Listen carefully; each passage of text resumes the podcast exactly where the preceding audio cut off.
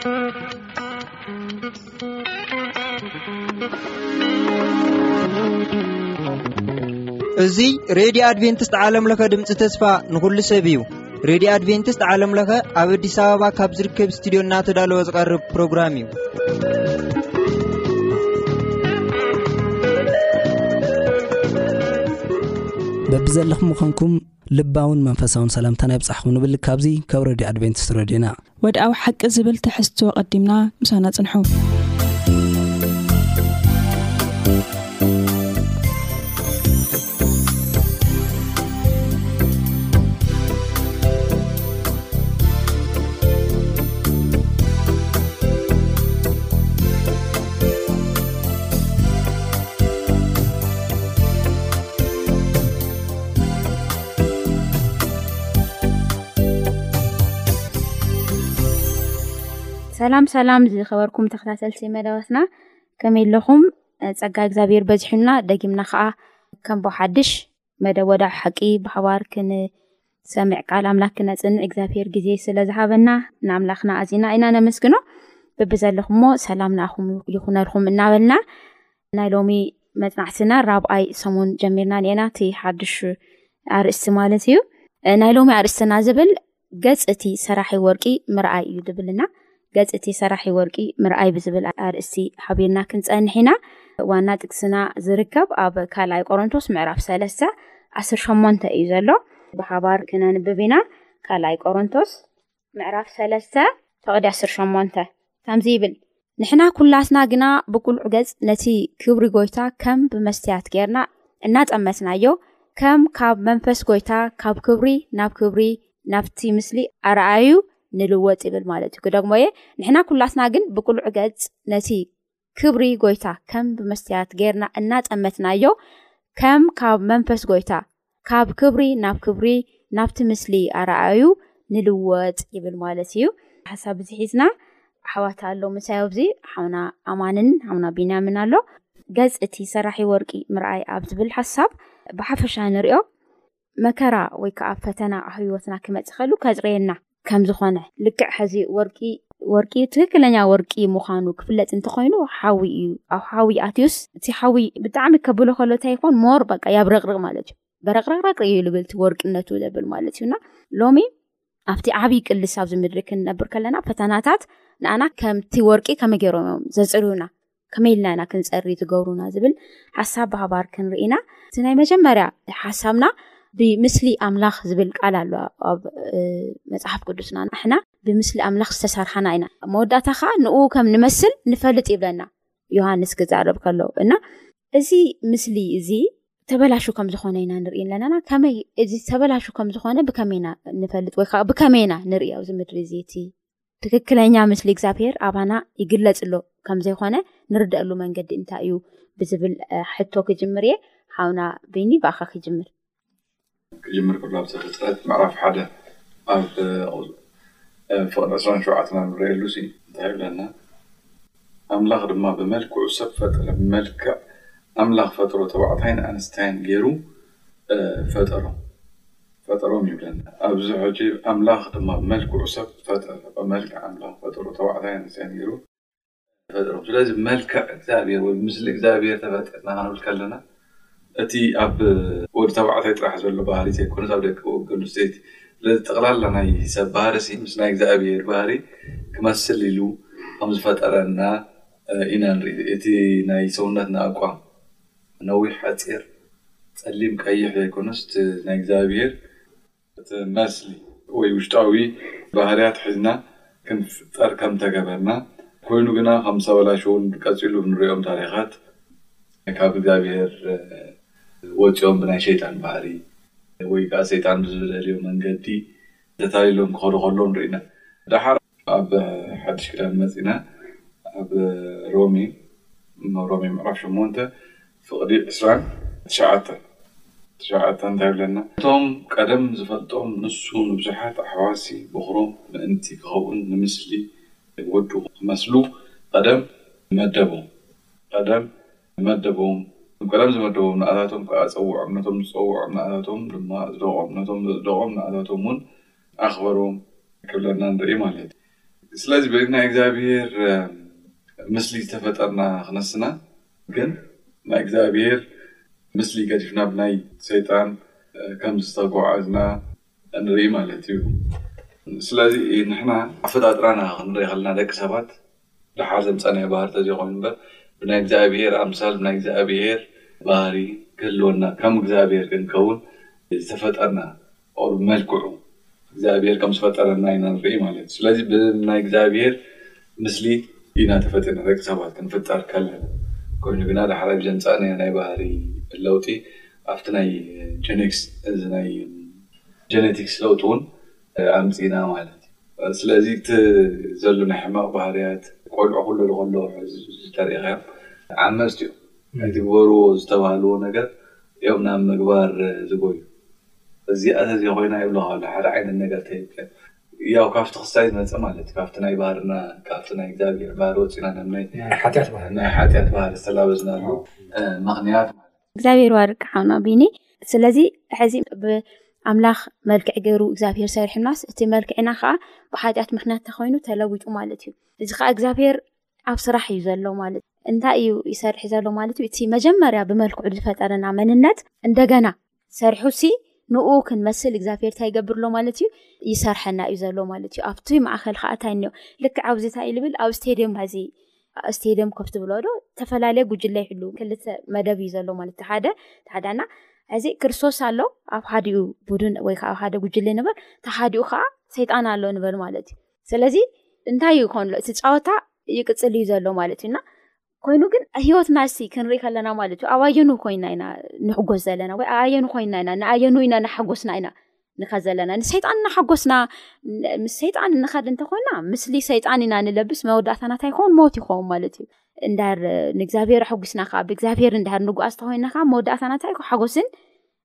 ናይ ዘለኣለም ሂወትን እዩ ዝኸውን ማለት እዩ እና ሂወትና እታ ናይ ወዲ ሰብ ልክዕ ከም ኣብ ኩዕሾ ሜዳ ከም ዘሎ ተቓላሳይ መቸም ክስዕር እዩ ኩሉ ዝቃለስ ማለት እዩ እና እና ኣየኑ እዩ ዘሎ መን እዩ ኣብ ሂወትና ዝስዕር ዘሎ ክርስቶስ ድዩ ኣብቲ ፈተና ተፃወቲ ብዙሕ ነገር ገይሮም እዮም መወዳእታ ዓወት ዝረኽቡና በቲ ሜዳ እሱ ክንጓዓዝ ከለና ግን ኣብ ኣየና እዩ ጎራ ኢና ዘለና ኣበየናይ መደብ ዘለና ኢልና ክንርኢ እሞ መወዳእታ ግን ምስሊ ኣምላክ ክንለብስ እግዚኣብሄር ኣባና ይሰርሕ ከም ዘሎ ተረዲእና ክንጓዓዝ ማለት እዩ ቀፂልና ዘሎ ሓሳብ ክንርኢ ከለና ከዓ እምነት ኣብ ዘፅሪ ሓዊ ማለት እዩ ኣፅሪኡ ኣብ ዘውፅእ ሓዊ ክንርኢ ኢና እዚ ከዓ ብናይ እዮብ ሂወት ኢና ክንርኢ እዮብ ዕስራን ሰለስተን ክሓደ ስካብ ዓስርተ ኣብ ነንብቦ ግዜ እዮብ ክቃለስ ከሎ ኢና ንርኢ ንእግዚኣብሔር ብሓደ ነገር እኳ እዮብ ኣይበደለን ይብለና መጽሓፍ ቅዱስና ግን ምስ እግዚኣብሔር ሕቶ ክሓትት ከለዉ ኣደይሲ ዘይመወለደትኒ ገለ ክብል ከሎ ኢና ንርኢ ኣለናና ኣብዚ ናይ እዮብ ቃልሲ ንሪኦ ነገር እንታይ እዩ ከምኡ ከዓ እዮብ ከዓ ብዚ ቃልሲ እኳ ብዚ ስቃይ እዚ ዝሓለፈሲ ብእምነት ዝተቐበሎም ነገራት እውን ኣሎ እሞ እሳቶም እንታይ እንታይ እዮም ከምኡ ከዓ ካብኡ ሙሉእ ብምሉእ ከዓ ንምሃሮ ነገር እንታይ እዮም ኣንሓውና ብእምነት ምጽራይ ካብቲ ዘለና ሓጢኣታዊ ማንነት፣ ካብቲ ዘለና ዓመጻዊ ማንነት ብእምነት ምጽራይ ክንጸሪ ይግብኣና እዩ። ንሕና ኦረዲ ዝጸደቅና ብምንታይ እዩ? ብክርስቶስ እዩ። ጽድቂ ብጸጋ ጥራሕ እዩ ዝርከብ። ቅድስና ዝበሃል ግን ኣሎ። ዝጸደቁ ሰባት እንታይ እዩ ዝጽበዮም? ክቅደሱ ክክእሉ እዮም። ሓጢኣት ናብ ዝጸልእ ማንነት ክላበሱ ክኽእሉ'ሎ። ምኽንያቱ እግዝኣብሄር ኣብቲ ዘዳለወሎም ቦታ ሓጢኣት ኮነ ዓመጽ፣ ክፍኣት ኮነ ስስዐ፣ ጽልኢ ኮነ ሓሜት፣ ሓሶት ኮነ ስርቂ የለን። እዚ ዓይነት ማንነት ሒዘ ሰማይ ክኣቱ እየ ንዘልኣለም ክነብር እየ ዝብል ሰብ እግዚኣብሄር ኣይኮነን ዝሰጎ። እቲ ሰማይ ንባዕሉ ሲ በቃ ገሃነብ እዩ ዝኾን ዝኾን ንዑ። እቲ ቦታ ንባዕሉ ማለት እዩ። ምኽንያቱ ኩሉ ትሑት እዩ፣ ሓጢኣት ዝጸልእ እዩ ገለ መለታት እዩ። ስለዚ ናይ ሕፍረትን ናይ ውርደትን ቦታ እዩ ዝኾነ ማለት እግዚኣብሔር ኣይኮነ ምክንያቱ እቲ እግዚኣብሔር ዘዳልወልና ሓዳሽ የሩሳሌም ሲ ዓሰርተ ክልተ በርታት ኣለዋ ይብል ዓሰርተ ክልቲኡ ክፉት እዩ እግዚኣብሔር በራ ኣይዓፁን እዩ ግን ሓጢኣት ግን ንክንወፅ ይገብር ዲስኮንፈርት ክስማዓና ይገብረና ንክንሃድም ይገብረና ማለት ካብ መጀመርያ ኣብ ዘፍጥረት ከምዝረኣናዮ ማለት እዩ እሞ ክንፀሪ ይግባኣና እዩ ዝፀደቁ ሰባት ብክርስቶስ ዝኣመኑ ሰባት ናይ ምፅራይ ፕሮሰስ ሓጢኣት ናይ ምፅላእ ፕሮሰስ ኣሎ እዩ ማለት እዩ እዚ ፕሮሰስ እዚ እግዚኣብሄር ዝጥቀመሉ ፕሮሰስ እንታይ እዩ? ብሓዊ ምፍታን እዩ። ብፈተናታት ምሕላፍ እዩ። ብፈተናታት ክንሓልፍ ከልና እነማዕብሎ ባህርያታት ኣሎ። ኣምላኻዊ ዝኾነ ባህርያት ትዕግስቲ ነማዕብል። ያእቆብ እዚ ተዛሪብዎ እዩ። ለውሃት፣ ንኻልኦት ምሕዛን፣ ለጋሳት ምዃን እዚ ዓይነት ባህርያታት እዚ ዓይነት ፍረታት ኣብ ህይወና ይረኣይ ኣሎ። ኣብ ዕብራውያን ምዕራፍ ዓሰርተ ሓደ ፍቕዲ ዕስራን ሸውዓተን ብዛዕባ ሙሴ ይዛረበና። ሙሴ በዲኡ እናተሰብከ ንስኻ እስራኤላዊ ኢኻ፣ እተምልኾ ድማ ልዑል ኣምላኽ ኢላ ብዘምሀረቶ መጠን እዩ ዓብዩ። እዚኣ ዓብዩ Imagine ወራሲ እዩ ክኸውን ነይሩ ኣብ ግብጺ፣ ንጉስ እዩ ክኸውን ነይሩ ኣብ ግብጺ። ነገር ግን እንታይ ገይሩ? ናይ ንጉስ ትእዛዝ። ናይ ንጉስ ቁጥዓ ከይፈርሐ ብእምነት እዩ ወፅዩ ኣነ ምስ እግዚኣብሔር ህዝቢ መከራ ምቅባል ሕሸኒ ኢሉ ወፅዩ እዩ ካብዚ ክብሪ እዚ ማለት እዩ ዕብራን ምዕራፍ ዓሰርተ ሓደ ፍቅዲ ሸውዓተ እንታይ እዩ ስለዚ ብምውፅኡ ድማ ኣርብዓ ዓመት እዩ ኣግዛብሔር ኣሰልጢኑ ኣርብዓ ዓመት ቀሊል ኣይኮነን ብፈተናታት እናሓለፈ ኣርብዓ ዓመት ኣብ ሚድያን ዝበሃል ቦታ ኣሰልጢኑ እግዚኣብሔር ድሕሪኡ ሙሴ እንታይ ዓይነት ሰብ ከም ዝዀነ ንፈልጥ ኢና። ሙሴ ማለት መጽሓፍ ቅዱስ ባዕሉ ይምስክረሉ እዩ። ኣብ ዘኍልቍ ምዕራፍ ዓሰርተ ሸውዓተ ኬድና ንርእየሉ እዋን እንታይ እዩ ዝብል? ከም ሙሴ ትሑት ሰብ የለን። ከም ሙሴ ትሑት ሰብ የለን። ንጸላእቱ ንባዕሉሲ ዝልምን ዝነበረ ሰብ እዩ። ቆሬ፣ ዳታን ኣቢራም ብኣሮንን ብሙሴን ንስኻትኩም ጥራሕ ዲኹም ክትመርሑ ክብሎም ከሎ ንሱ እንታይ እዩ ገይሩ? ብግንባሩ ተደፊኡ ኣቱም ኣሕዋተይ ኢሉ ዝመለስ ዝነበረ ሰብ እዩ።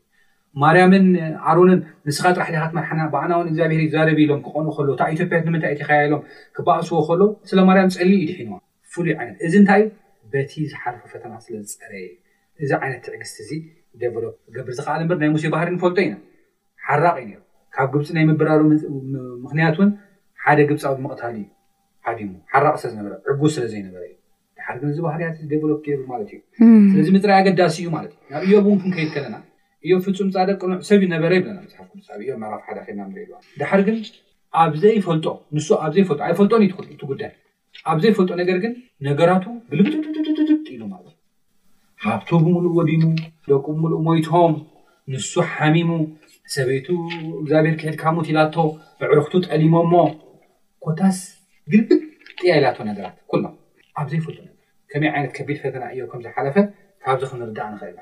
በዚ ኩሉ ፈተና ከሎ ግን እዮብ ኣብ እዮብ ምዕራፍ ዕስራን ሰሰን ፍቅድ ዓሰርተ ንሱ ግና በየነይቲ መንገዲ ከም ዝኸይድ ይፈልጥ እዩ እግዚኣብሄር በየነይቲ መንገዲ ከም ዝኸይድ ንዓይ ከድሕን በየነይቲ መንገዲ ከም ዝኸይድ ይፈልጥ እዩ ንዓይ ክብጆ ንዓይ ከጽሪ በየነይቲ መንገዲ ከም ዝኸይድ ይፈልጥ እዩ ንሱ ግና በየነይቲ መንገዲ ከም ዝኸይድ ይፈልጥ እዩ ይፈትነኒ ይብል ይፈትነኒ ምኽንያቱ ንሱ ይፈልጥ እዩ በየነይቲ መንገዲ ከም ዝኸይድ ይፈልጥ፣ በየነይቲ ኣነ ከም ዝጸሪ ይፈልጥ እዩ። ይፈትነኒ እዩ፣ ከም ወርቂ ኾይነ ኸኣ ክወጽእ እየ ኢሉ ክዛረብ ከሎ።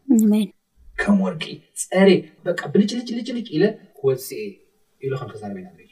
ስለዚ በዚ ኩሉ ፈተና እናሓለፈ ክዕገስ ከሎ፣ ክጽመም ከሎ ኢና ንርኢ ማለት እዩ። እግዚኣብሔር ይመስገን።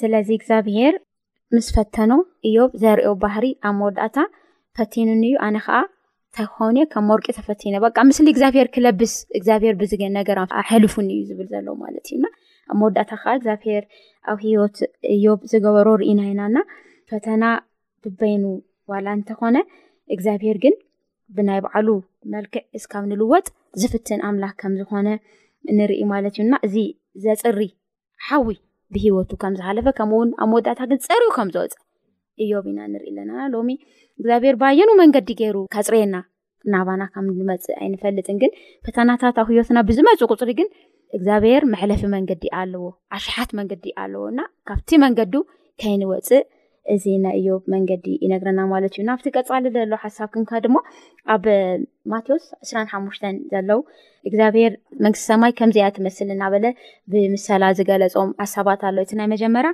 ኣስርተ ደናግል ከም ትመስል ከም ዝገለፀ ኢና ንርኢ ቀፂሉ ከዓ እንታይ እዩ ኢሉ ቀሪፁ ከም በግዕን ከም ኣጣልን ገይሩ እውን ዝገለጾ ሓሳብ ኣሎ እና እዚ ቦታ እዚ ንሪኦ ዋና ሓሳብ ክንወስዶ ዝግባኣና ነገር እንታይ እዩ ካብዚ ናይ ክርስቶስ ናይ መወዳእታ ቃላት ባህሪ ሰብ እንታይ ክመስል ከም ዘለዎ ዝነግረና ነገር እንታይ እዩ እዚኤን ክልቲኤን ታሪክ መጀመርያ ንሰማዕቱ መንግስታውሶም ምእንቲ እምበንሞ ድሕሪኡ እንታይ እዩ ዝብል ዘሎ ማቴዎስ ምዕራፍ ዕስራን ሓሙሽተን ኣብ ክርስቶስ ከምሮም ከሎ እንታይ ይብለና ካብ ሓደ ክሳብ ዓሰርተ ክልተ ጀሚሩ መንግስተ ሰማያት ሽዑ ቀንዴለን ሒዘን መርዓዊ ክቕበላ ዝወጻ ዓሰርተ ደናግል ትመስል ካባታተን ከኣ እተን ሓሙሽተ ዓያሹ እተን ሓሙሽተ ግና ለባማት እየን እተን ዓያሹ ቀንዴለን ወሲደን ዘይቲ ኣይተማልኣን እተን ለባማት መኪና እማ ምስ ቀንዴሌን ዘይቲ ኣብ ጢንኤን ተማልኣ።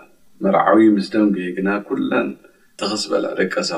ፍርቂ ለይቲ ግና ጭራሕምራሕ ኮነ። እንሆ መርዓዊ ክትቅበል ኣውጽኣ። ሽዑ እተን ደናግል ኩለን ተንሲኤን ቀቀንዴሌን ኣዳለዋ። እተን ዓያሹ ነተን ለባማት ቀንዴልና ክጠፍእ'ዩ ዘይቲ ክንሃባና በለየ። እተን ለባማት ከኣ ኣይፋልናን ንኣናን ንኣኻትክንን እንተዘይኣኸለኸ ኣብቶም ሻሂ ዝሸጡ ደኣ ከይዳ እሞ ንርእሲ ክንዓድግ ኣብለን። ክዕድጋ ምስ ከዳ እቲ መርዓዊ መጸ፣ እተን ተዳልየን ዝጸንሓ ምስኡ ናብ መርዓ ኣተዋ፣ ማዕጾ ድማ ተዓጽወ። ደሓር እተን ዝተረፋ ደናግል መጺኤን ጎይታይ! ጎይታይ! ክፈተልና! ክትፈተልና ኮታ በላ። ንሱ ግና መሊሱ ብሓቂ ይብለክን ኣለኹ ኣይፈልጠክንን እየ።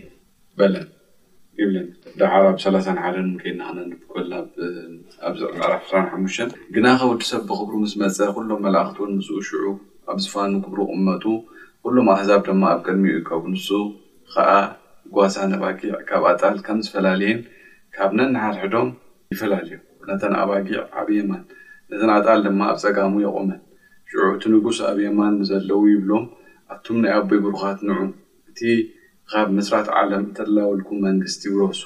ጠምየ ነበርኩ እሞ ኣብላዕኩምኒ፣ ጸሚኤ ኣሰኹምኒ፣ ጌሸ ተቐበልኩምኒ፣ ዓሪቐ ከደንኩምኒ፣ ሓሚመ በጻሕኩምኒ፣ ተኣሲረ መጻእኩምኒ። ሽዑ እቶም ጻድቃን ይምልሱሉ፣ ጐይታይ መኣዝ ጠሚኻ ርኢናካ እሞ ኣብላዕናካ ወይን ጸሚእካስ ኣሰተናካ? መኣስከ ጋሻ ኮንካ ርኢናካ እሞ ተቐባልና እኮ ኢንዳበለ ይቕጽል ማለት እዩ። ኣብዚ እዚ ዘይትምምታ እዩ ተመሲሉ ዘሎ። ብዙሓት ጸሓፍቲ ዝብልዎ ናይ መጽሓፍ ቅዱስ ጸሓፍቲ ዝብልዎን እዚ ዘይቲ መንፈስ ቅዱስ ከም ዝኾነ ደሓር መንፈስ ቅዱስ ሒዙ ዝጸንሐን ዘይጸንሐን ከም ዝኾነ እቲ ኣፈላላይ እዩ ዝብልዎ ማለት እዩ። ኮይኑ ግና ክንርድኦ ዘለና ሓደ እንታይ እዩ ኣፈላላይ ከም ዘሎ ማለት እዩ። ኣፈላላይ ከም ዘሎ እቲ ንጸድቀሉ ብእምነት ከም ዝኾነ ንፈልጥ ኢና ኩላትና። ባህርያቱ ምስኡ ኣላይ ነገር ከም ዝኾነ ሕጂ እዚ እንተን ተረፋ ሓሙሽተ ተሪእና ሕጂ ኣብ እምነት ኣብቲ ናይ ምምጻእ መርዓዊ እምነት ኣለወን ክቕበላ ከይደን እዩ ምስተን ካልኦት ሓሙሽተ ስለዚ ብእምነት ኣለዎ ዩ ኣብ ባህርያት ግን ኣብ ባህርያት ከም ዝወደቓ ኢና ንርኢ ዘለና ማለት ዩ ባህርያትን እቲ ክግበር ዝግብኦ ነገር ይኸዳ ከሎ ሕዘን ግብኦ ዝኸዳ ሕዘን ኣይኸዳን ነን ስለዚ እቲ መንፈስ ቅዱስ ምስአን ከም ዘይነበረ ንርደአሉ ንመሃረሉ ነገር እዩ ማለት እዩ ስለዚ እቲ ንፅድቅና ኣድላይ ዝኾነ እምነት ዋላ እኳ ተኾነ ግን ባህርያትና እውን ናብ ክርስቶስ እንቐርበሉ ነርእየሉ መንገዲ ምዃኑ ክንርስዕ ከም ዘይብልና ዘምህረና ታሪኻት እዩ። ብጣዕሚ ጽቡቅ ስለዚ እግዛብሄርና ሰብ ባህሪ ይግድሶ እዩ ማለት እዩ ባህሪና ለ ክልወጥ ናብ ክርስቶስ ናብ ምምሳል ከካይድ ኣለዎ እዚ ከዓ ክንገብር እንተኮይና እቲ ባህሪ ኣብ ምልዋጥ ከዓ ዝሰርሕ መን እዩ መንፈስ ቅዱስ እዩ ማለት እዩ እና እዚ መንፈስ ቅዱስ እዩ ከዓ እንታይ ይገብር ኣንቶ ኣብ መልዕሊ ከም ዝረኣናዮ ናብ ክርስቶስ የሱስ ምስሊ ወይ ከዓ ናብ ክርስቶስ የሱስ መልክዕ ንክንልወጥ ሓሳባትና ኣእምሮና ውሽጥና እንታይ ይገብር ይሕድስ ይልውጥ ማለት እዩ እና ስለዚ ባህሪ ምልዋጥ እውን ኣብዚ ኣዝዩ ወሳኒ ከም ዝኾነ ባህሪ ስለ ዘይተለወጠ ግን መፂኦም እዮም ንክርስቶስ ክቕበልዎ ግን እቲ ረቋሒ እቲ ሰማይ ዝደልዮ ረቋሒ ስለ ዘያማልኡ ግን እግዚኣብሔር እንታይ ገይርዎም ገዲፍዎም ክኸድ ከሎ ኢና ንርኢ ማለት እዩ እና ኣብ ሰማይ ኣብ ንኸደሉ ጉዕዞ እግዚኣብሔር ባህሪና እውን እንታይ ዝገብር ኣምላኽ እዩ ዝቀርፅ ኣምላኽ እዩ ናብቲ ናቱ ምስሊ ዝወስደና ኣምላኽ እዩ እና እዚ እውን ፈሊጥና ባህርያትና ብብመዓልቱ ምስ እግዚኣብሄር ክሕደስ ከም ዝግብኦ ይነግረና ማለት እዩ ክርስቶስ የሱስ ክመፅእ ከሎ ሞይቶም ተንስኦም ንኡ ዝርኡ ሰባት ኣለዎ ዶ ከምኡ ከዓ ብሂወት ፀኒሖም ንክርስቶስ ዝርኡ ሰባት ኣለውና እዚ ባህሪ እዚ ንክርስቶስ ብሂወት ፀኒሖም ንዝቅበሉ ሰባት ወሳኒ ዝኮነሉ ሓሳብ እንታይ እዩ ኣማን ሓወት መፅሓፍ ቅዱስ እንታይ እዩ ዝብለና ኣብ ዳንኤል ምዕራፍ ዓሰርተ ክልተ ፍቕዲ ሓደ በቲ ዘመን እቲ ሚካኤል እቲ ምእንተ ደቂ ህዝብኻ ዝቐውም ዓብዪ መስፍን ክትንስኡ ሽዕኡ ዘመን ጸበባ ክኸውን እዩ። ነቶም ክሳብ መወዳእታ ብህይወት ጸኒሖም ክሳብ ክርስቶስ ዳግም ምጽኣት ብህይወት ጸኒሖም ክርስቶስ ዳግም ክምለስ ከሎ ዝቕበልዎ ሰባት ቅድሚ ክርስቶስ የሱስ ምምጽኡ ዝኸውን ዓቢ መከራ ኣሎ። ሕጂ እዚ ዓቢ መከራ እቲ ኣፈላላይ እንታይ እዩ? እዚ ዓቢ መከራ እቶም ዓመጸኛታት ኣይርድእዎን እዮም። ምኽንያቱ ኣብ ራእይ ምዕራፍ ዕስራን ክልተን ፍቕዲ ዓሰርተ ሓደ ከይድና ንርእየሉ እዋን እቲ ዓመጸኛ ይዓምጽ። እቲ ዘይቅዱስ ኣይቀደስ። እቲ ገባር ሓጢኣት ንሓጢኣት ይወስኽ። እቲ ጻድቕ ድማ ጽድቂ ይግበር ይብል። ጭራሽ ኣይስተውዕሉን እዮም። ስለዘይስትውዕሉ እንታይ ክገብሩ ኸም ኢና ንርኢ መስለኪ? ኣብ ሓጢኣት ሓጢኣት ክውስኹ ኸሎ፣ ኣብ ዘይምእማን ዘይምእማን ክውስኹ ኸሎ፣ ኣብ ጸርፊ ጸርፊ ክውስኹ ኸሎ። ከምኡ ኣብ ልገበሩ ቁጽሪ ከኣ መንፈስ ኣምላኽ ካብኦም እናረሓቐ ይኸድ እናረሓቐ ይኸድ ማለት እዩ። ካብኡ ጥርሖም ይተርፉ ምስ ሰይጣን ጥርሖም ይተርፉ ማለት እዩ። እቶም ጻድቃን ናቶም ብክርስቶስ የሱስ ዝኣመኑ ነዚ ነገር እዚ የስተውዕልዎ እዮም። ነዚ ነገር እዚ የስተውዕልዎ እዮም። ምኽንያቱ መጽሓፍ ቅዱስ እንታይ እዩ ዝብል? ናይ መጀመርያ ጥበብስ እግዚኣብሄር ምፍራሕ እዩ። ነዚ ነገር እዚ ኣስተውዒሎም እግዚኣብሄር ይፈርሑን ይእዘዙን እዮም። ርእሶም ቆጢቦም እዮም ዝነብሩ። ምኽንያቱ ኣብ ራእይ ምዕራፍ ዕስራን ክልተን ፍቕዲ ዓሰርተ ሓደ እውን ንሕጂ እውን ምልስ ኢለ ከርእየኪ ከለኹ እንታይ እዩ ዝብል? እቲ ጻድቕውን ይጽደቕ እዩ ዝብል እዚ ተረዲኡ ሞር እዩ ጻድቕ ጽድቂ ዝገብር በቃ ክርስቶስ ክመጽእ ቀሪቡ እዩ ኢሉ ሞራል ሒዙ ሞር ናብ ጽድቂ ናብ ጽድቂ ናብ ጽድቂ እዩ ዝኸይድ ማለት እዩ ብዝኾነ ኣብዚ ሓደ ከንብቦ ዝደሊ ሓሳብ በቲ ሓደ ወገን ድማ ማለት እዩ እቲ ኩነታት ተረዲኡ ጽድቂ ጥራሕ ዘይኮነ ዝገብርሲ እቲ ጸበባ ዝበጽሖ ዘሎ ውን ንዕኡ ከጽርዮ ንዕኡ ከለምልሞ ንዕኡ ናብ ናይ እግዚኣብሄር ምስሊ ንክቕየር ክረድኦ። ከም ዝመጸ ተረዲኡ በቲ መከራ እውን ይጸንዕ እዩ። እዚ እዩ ተፋላጣይ። ምኽንያቱ ዳንኤል ምዕራፍ ዓሰርተ ክልተ ፍቕዲ ዓሰርተ ስ እንታይ ይብለና መስለኪ? ብዙሓት ይብለና ተረዲኦም እኮ እዮም ማለት ዘመን ጸበባ እዩ ከቢድ እዩ ብዙሓት ግን እንታይ ክገብሩ እዮም ኢሉ ክጸርዩ እዮም ንምንታይ ህይወቶም ንእግዚኣብሔር ስለ ዝህቡ በቲ ዝበጽሖም ፈተና ንእግዚኣብሔር ኣብ ክንዲ ምጽራፍ ካብ እምነት ኣብ ክንዲ ምርሓቕ ንእግዚኣብሔር ተዓግሶም ናይ እግዚኣብሔር ተስፋ ልክዕ ከም እዮብ ሒዞም እግዚኣብሔር እናመስገኑ ካብ እግዚኣብሔር ሰናይ ተቐቢልና ኢና ክፉእስ ኣይንቕበልን ዶ እናበሉ እናዜሙ ብመዝሙር ከም በዓል ጴጥሮስን ሲላስን እዮም ዝሓልፉ ስለዚ ብዙሓት ክጸርዩ እዮም ክጽዕድው ክኹልዑ እውን እዮም ይብለና በቲ ፈተና ኩሉ እቶም ረሲኣን ግና ረሲእነት ክገብሩ እዮም እቶም ጠቢባን እዮም ዘስተውዕልዎ እምበር ካብቶም ረሲኣንስ ሓደ እኳ ኣይከስተውዕሉ ስለዚ እዞም ጻድቃናት ነዚ ዘመን እዚ ዘስተውዕሉ ሰባት እንታይ ክብሎም ከሎ ኢና ዳንኤል ርኢ ጠቢባን እዮም ጠቢባን እዮም ኣንደርስታንድ ይገብሩ እዮም ነገሮም ክብል ከሎ ኢና ንርኢ እሞ በዚ መልክዕ እዚ ኣስተውዒሎም ተዓጊሶም ሞር ንእግዚኣብሔር ከም ዘጥርዮም እዩ ዘርእየና ኣሜን እግዚኣብሔር ይመስገን እሞ ሕዚ እዛ ምድርና እዚኣ ክንርኢ ከለና ሲ ኩሉ ነገር በቃ ተበላሽ እዩ ዝመስልዋ ዶ ኩሉ ነገር በቃ ሓጢኣት ፅድቂ ድበሃል ነገር ዘየለ ኩሉ ዝረስሐ ኩሉ ጥፋኣት እዩ ዝመስለና ግን መንፈስ ቅዱስ እንታይ ይገብር ኣሎ ማለት እዩ ነቶም ዝነፅሑ እናነፅሐ ነቶም ፀርዩ እናፅረየ ከም ዘሎ ይነግረና ማለት እዩ ምክንያቱም ዘመን ተወዲ እዩ እቲ መወዳእታ ቀሪቡ እዩ መፈፀምታ ኩሉ ነገር ቀሪቡ እዩ መንፈስ ቅዱስ ከዓ እንታይ ይገብር ኣሎ ኣዝዩ ኣብ ስራሕ እዩ ዘሎ ማለት እዩ እቶም ጠቢባን ዝኾኑ ሕዚ እውን እንታይ ይኾኑ ኣለዉ ማለት እዩ ይነፅሑ እዮ ዘለዎም ይፀሩ እዮም ዘለዉ ማለት እዩ እግዚኣብሔር ኣብ ስራሕ እዩ ዘለዉ ማለት እዩና ክብራ ሰማዕቲ ኣብ ዘይመስል በቃ ፀልማት ኣብ ዝመስል ነገር ብርሃን ዝገብር እግዚኣብሔር እዩ እንዳውም ብርሃን ፃድቃን ክታ ዓይነት ይብል ከም ዋጓጎ ይብልዋ ዶ ከም ወጋሕታ ዝብል ብርሃን እዩና እሱ እስካብ ዝወግሕ ካዓታ ይገብር እናወሰኸ እናበርሀ እዩ ዝኸይድ ማለት እዩና እግዚኣብሔር ብዘመናት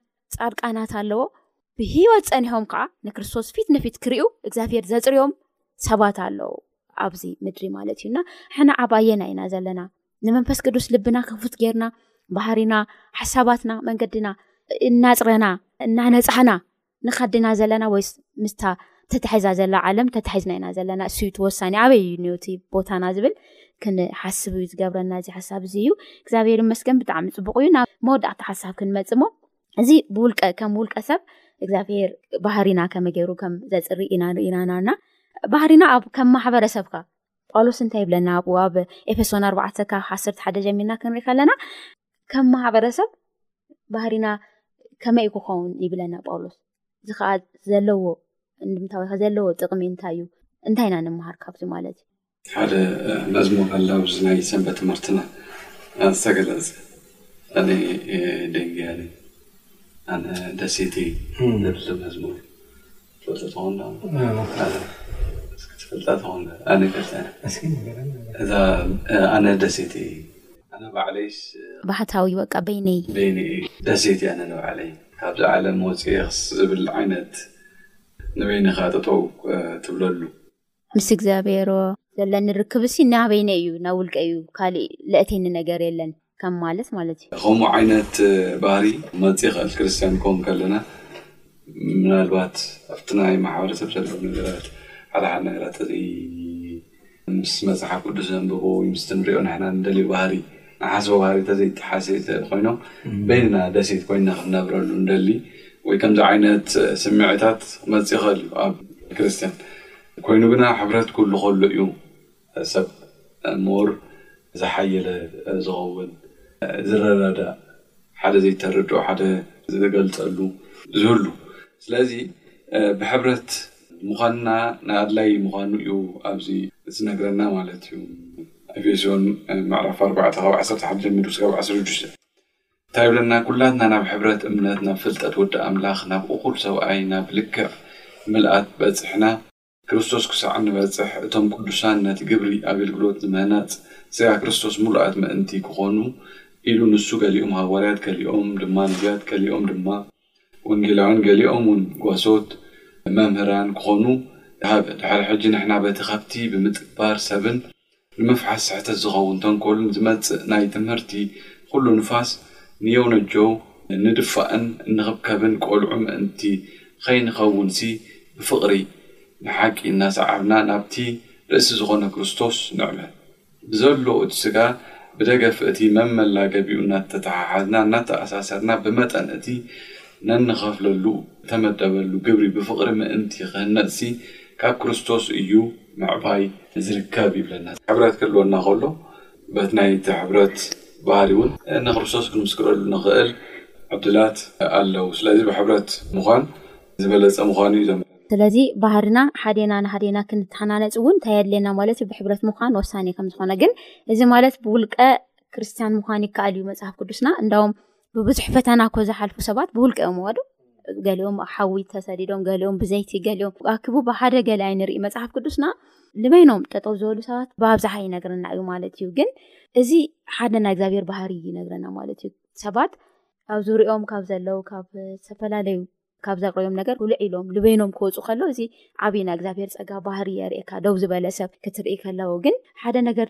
እንታይ እዩ ክንርኢ ኣለና ሓደ ሰብ ከም ውልቀ ፅቡቅ እዩ መሊሱ ግን ጳውሎስ ኣዚ እንታይ ይብለና ናይ ክርስቶስ ሓቂ ክነንፀባርቅ እንተኮይና ባህርና ክልወጥ እንተኮይኑ እርስ በርስና ሓዴና ምስ ሃዲያና እውን እንታይ ክንገብር ንኽእል ኢና ክንተሓናናፅ ክንመኻኸር ክንጠንከር ከም ዝግባኣና እውን እዚ ይነግረና ማለት እዩ እሞ ናይ ሎሚ ትምህርትና ብሓፈሻ ክንሪኦ ከለና እግዚኣብሔር ናይ ሂወትና እንታይ እዩ ሰራሕ ወርቂ ኢልና እንተ ዝረኣናዩ ማለት እዩ ስለዚ ኣብ መወዳእታ እቲ ሰራሕ ወርቂ እንታይ ይገብር እቲ ወርቂ ኩልዕ ኢሉ ትክክለኛ ፅሩይ ዝኮነ መንነት ሒዝና ኢና ገፅ እግዚኣብሔር ክንርኢ ንክእል ማለት እዩና ብዝተፈላለዩ መንገዲ ባህሪና መንነትና ፀርዩ ነቲ ዝፀወዐና ነቲ ናብኡ ዝሰሓበና ኣምላኽና ክመስል እዩ እቲ መወዳእታና ጎይታ ይሰርሐና እዩ ዘሎ ሓና ግን ክሰርሐና ፈቃደኛታት ዲና ወይ ልብና ፈቂድናሉ ዲና ሓሳብና ኣእምሮና ኩሉ ፈቂድና ዲና እዚ እዩ ትዋና ማለት እዩና ናብቲ ሰራሒ ዝኮነ ኣምላክና መፂእና እሱ ሰርሑ መወዳእታ ከዓ ናቱ ገፅ ብትክክል ንኡ ዝመስል መንነት ክህልወና እዩ ናሎሚ ሓሳብና ዝነግረና እሞ በዚ ሓሳብ እዚ ፀኒዕና ንጎይታ ክንመስል ኣብቲ መወዳእታ ዘመን ከዓ ምስኡ ብሃባር ክንነብር ሂወትና ምስኡ ክንቃንዮ እግዚኣብሔር ፀጉኡ ያብዝሐልና ኣብዚ ተረኪብኩም እዚ ሓሳብ እዚ ዝሃብኩና ኣሕዋት እግዚኣብሔር ይባርኩም እስኹም ለ ዝኸበርኩም ሰማዕትና ብብዘለኹም ምሳና ፃንሒ ስለ ዝገበርኩም እግዚኣብሔር ይባርኩም ኣብ ዝቅፅል